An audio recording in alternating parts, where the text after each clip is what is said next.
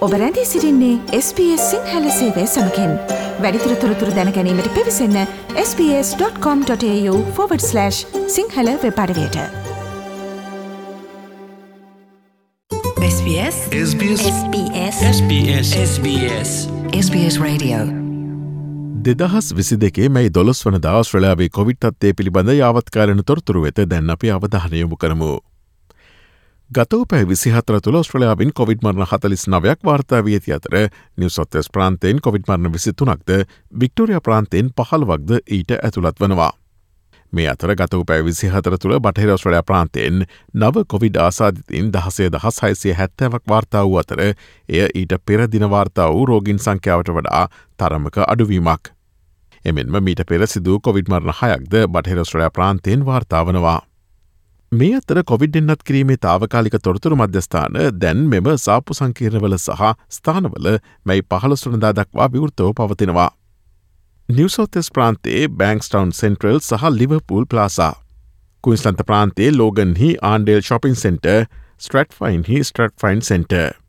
Victoria ප්‍රාන්තයේ කීලහි Roxburgh village සහ පැකනම්හි ඇරේනා ශොපින් සෙන්ට. නොදන් ටෙටරියේ කැශෝරිනාස්කයා ශොපින් සෙන්ට.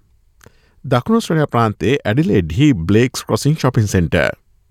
මේ අතර සාස්කෝට් වෛරසෙහි සියලු දන්නා සහ අනාගත ප්‍රවේදවට එරෙහිව එන්න තක් නිපදවීමට සිද්නි විශ්වවිද්‍යාලය ඉන්දියාවේ භාරත් බයෝටෙක් සහ සුට්සලන්තේ එක්සල් ජීන් එස්සේ සමඟ හවුල් වී තිබෙනවා.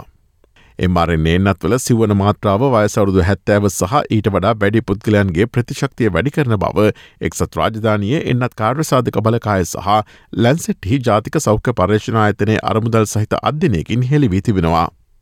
මේ අතර කොවිඩ් වසංගතය අරම්වීමෙන් පසු උතුරු කොරියාව සිය පළමු COොVID-19 රෝගයා තහවුරු කර තිබෙනවා. එහි රාජ්‍යමාධ්‍ය මෙම තත්වය ප්‍රධාන ජාතික හදිසි අවස්ථාවක් ලෙස හැඳින්වූ නමුත් ආසාත්තින් සංඛ්‍යාව හෙළි කරන හැ. ඔස්ට්‍රලයාාවේ COොVID-19 හා සම්බන්ධ නවතම තොරතුරු දැනගැනීම සඳහා SBS.com.tu4/ සිංහල වෙබ්බඩවිය වෙත ගොස් ඉහලි නැති කොරුණාවයිරසය හා සම්බන්ධ තොරතුරු යන කොටස මත කලික් කරන්න.